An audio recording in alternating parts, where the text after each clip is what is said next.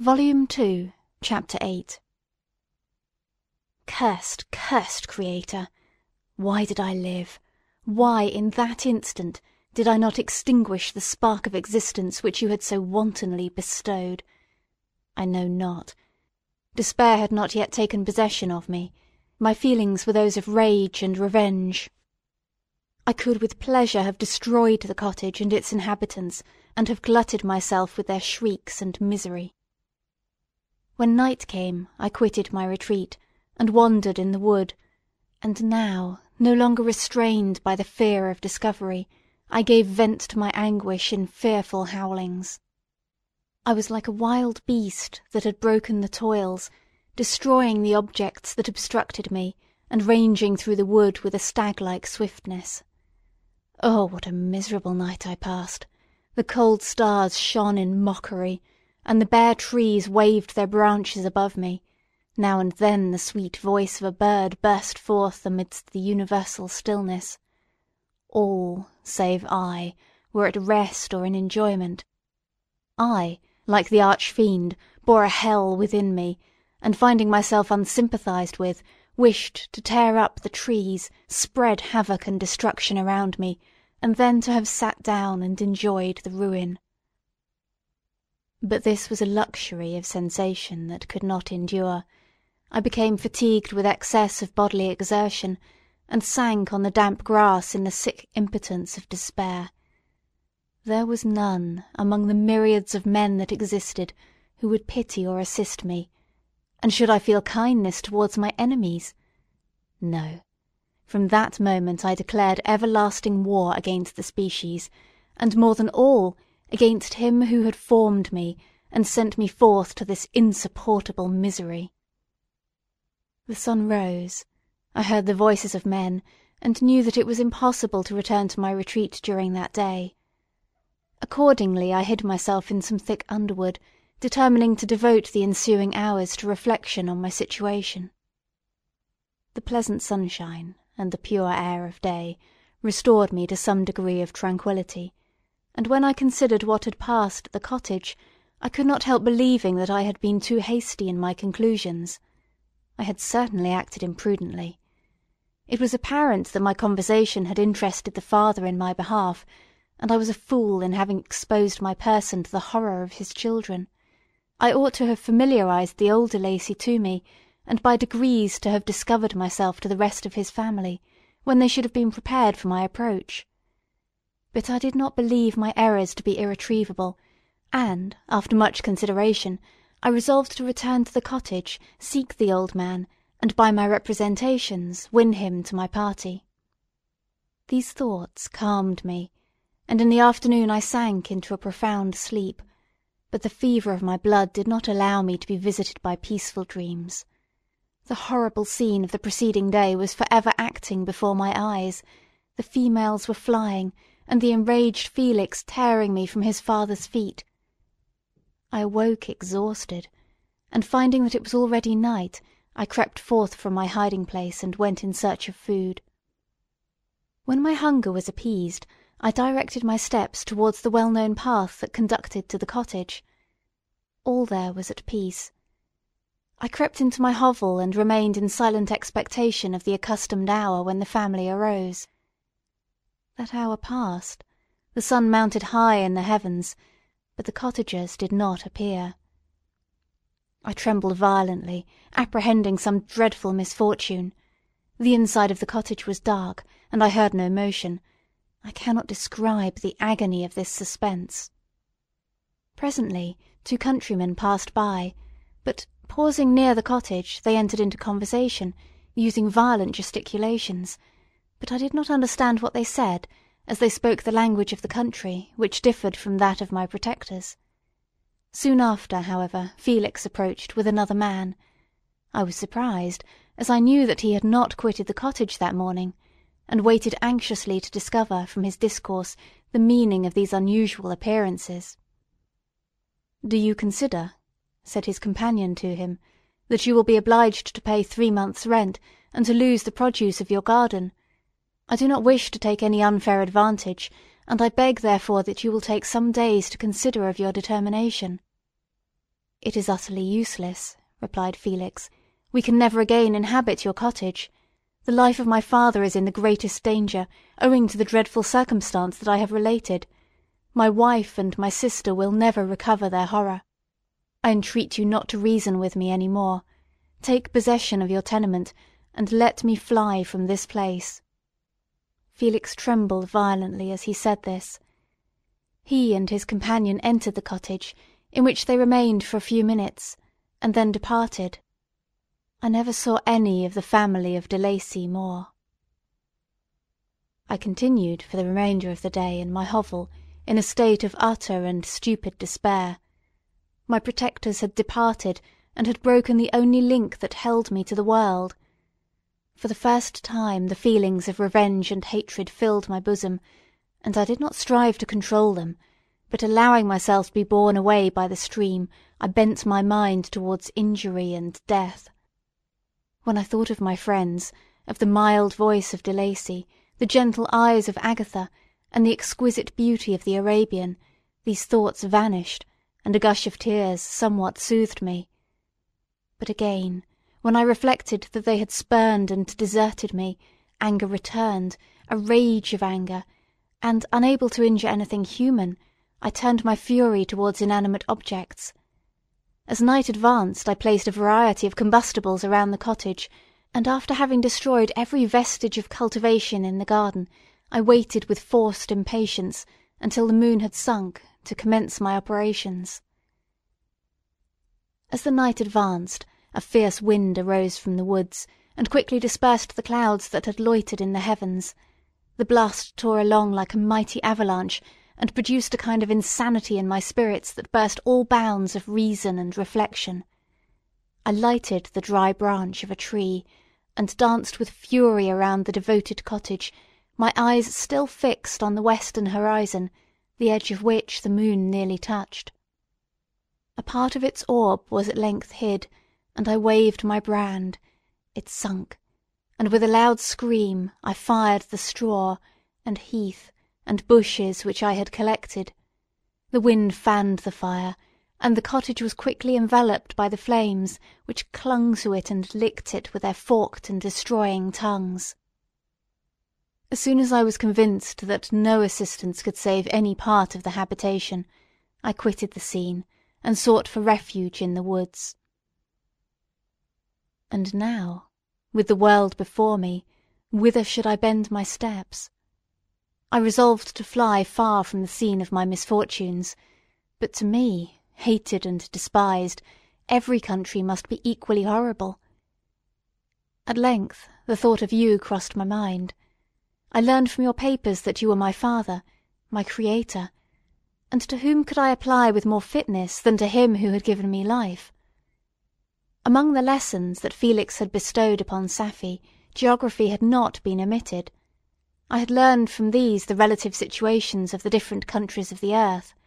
You had mentioned Geneva as the name of your native town, and towards this place I resolved to proceed.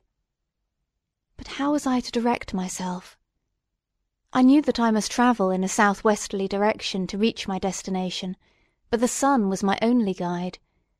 I did not know the names of the towns that I was to pass through, nor could I ask information from a single human being, but I did not despair. From you only could I hope for succour, although towards you I felt no sentiment but that of hatred. Unfeeling, heartless creator, you had endowed me with perceptions and passions, and then cast me abroad an object for the scorn and horror of mankind. But on you only had I any claim for pity and redress, and from you I determined to seek that justice which I vainly attempted to gain from any other being that wore the human form. My travels were long, and the sufferings I endured intense. It was late in autumn when I quitted the district where I had so long resided. I travelled only at night, fearful of encountering the visage of a human being. Nature decayed around me, and the sun became heatless. Rain and snow poured around me, mighty rivers were frozen, the surface of the earth was hard and chill and bare, and I found no shelter. O earth, how often did I imprecate curses on the cause of my being! The mildness of my nature had fled, and all within me was turned to gall and bitterness. The nearer I approached to your habitation, the more deeply did I feel the spirit of revenge enkindled in my heart. Snow fell, and the waters were hardened, but I rested not. A few incidents now and then directed me, and I possessed a map of the country, but I often wandered wide from my path. The agony of my feelings allowed me no respite, no incident occurred from which my rage and misery could not extract its food, but a circumstance that happened when I arrived on the confines of Switzerland, when the sun had recovered its warmth and the earth again began to look green, confirmed in an especial manner the bitterness and horror of my feelings. I generally rested during the day, and travelled only when I was secured by night from the view of man. One morning, however, finding that my path lay through a deep wood, I ventured to continue my journey after the sun had risen. The day, which was one of the first of spring, cheered even me by the loveliness of its sunshine and the balminess of the air. I felt emotions of gentleness and pleasure that had long appeared dead revive within me. Half surprised by the novelty of these sensations, I allowed myself to be borne away by them, and, forgetting my solitude and deformity, dared to be happy.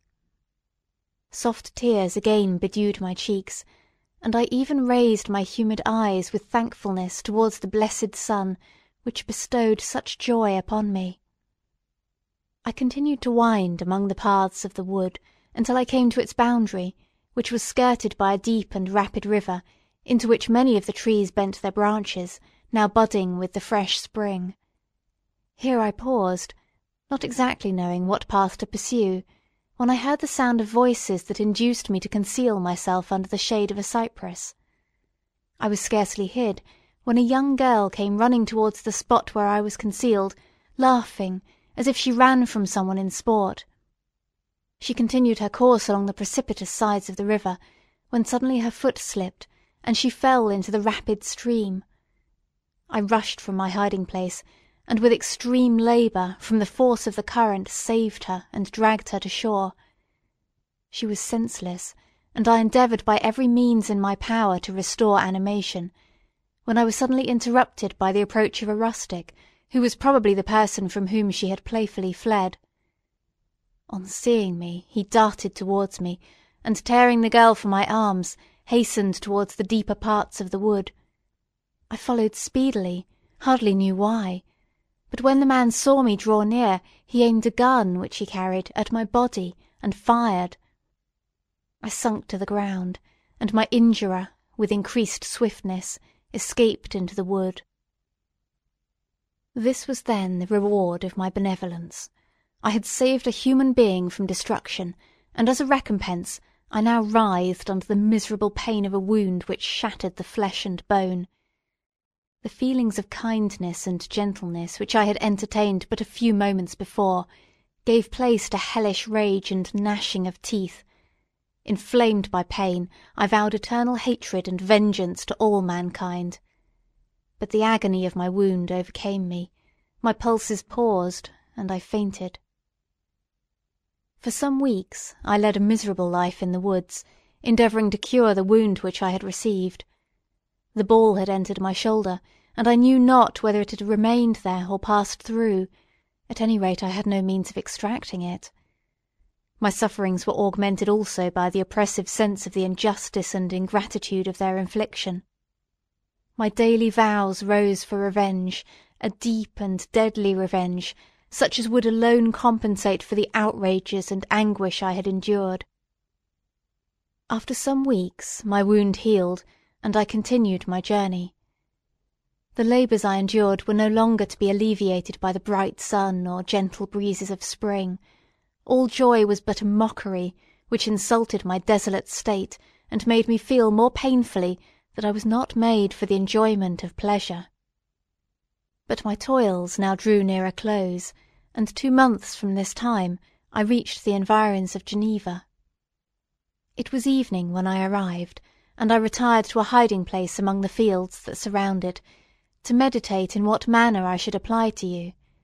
I was oppressed by fatigue and hunger, and far too unhappy to enjoy the gentle breezes of evening, or the prospect of the sun setting behind the stupendous mountains of Jura.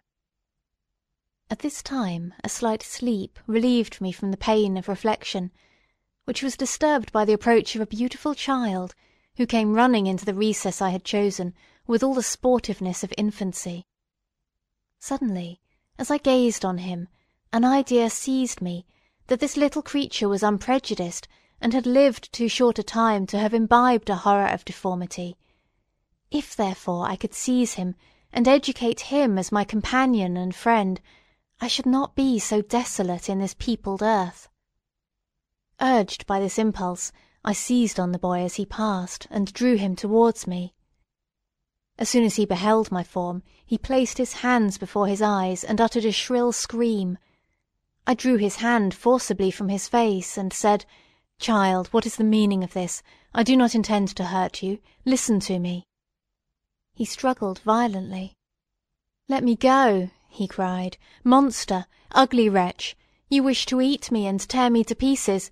You are an ogre. Let me go, or I will tell my papa. Boy, you will never see your father again. You must come with me. Hideous monster! Let me go. My papa is a syndic. He is Monsieur Frankenstein. He would punish you. You dare not keep me. Frankenstein! You belong then to my enemy. To him towards I have sworn eternal revenge. You shall be my first victim.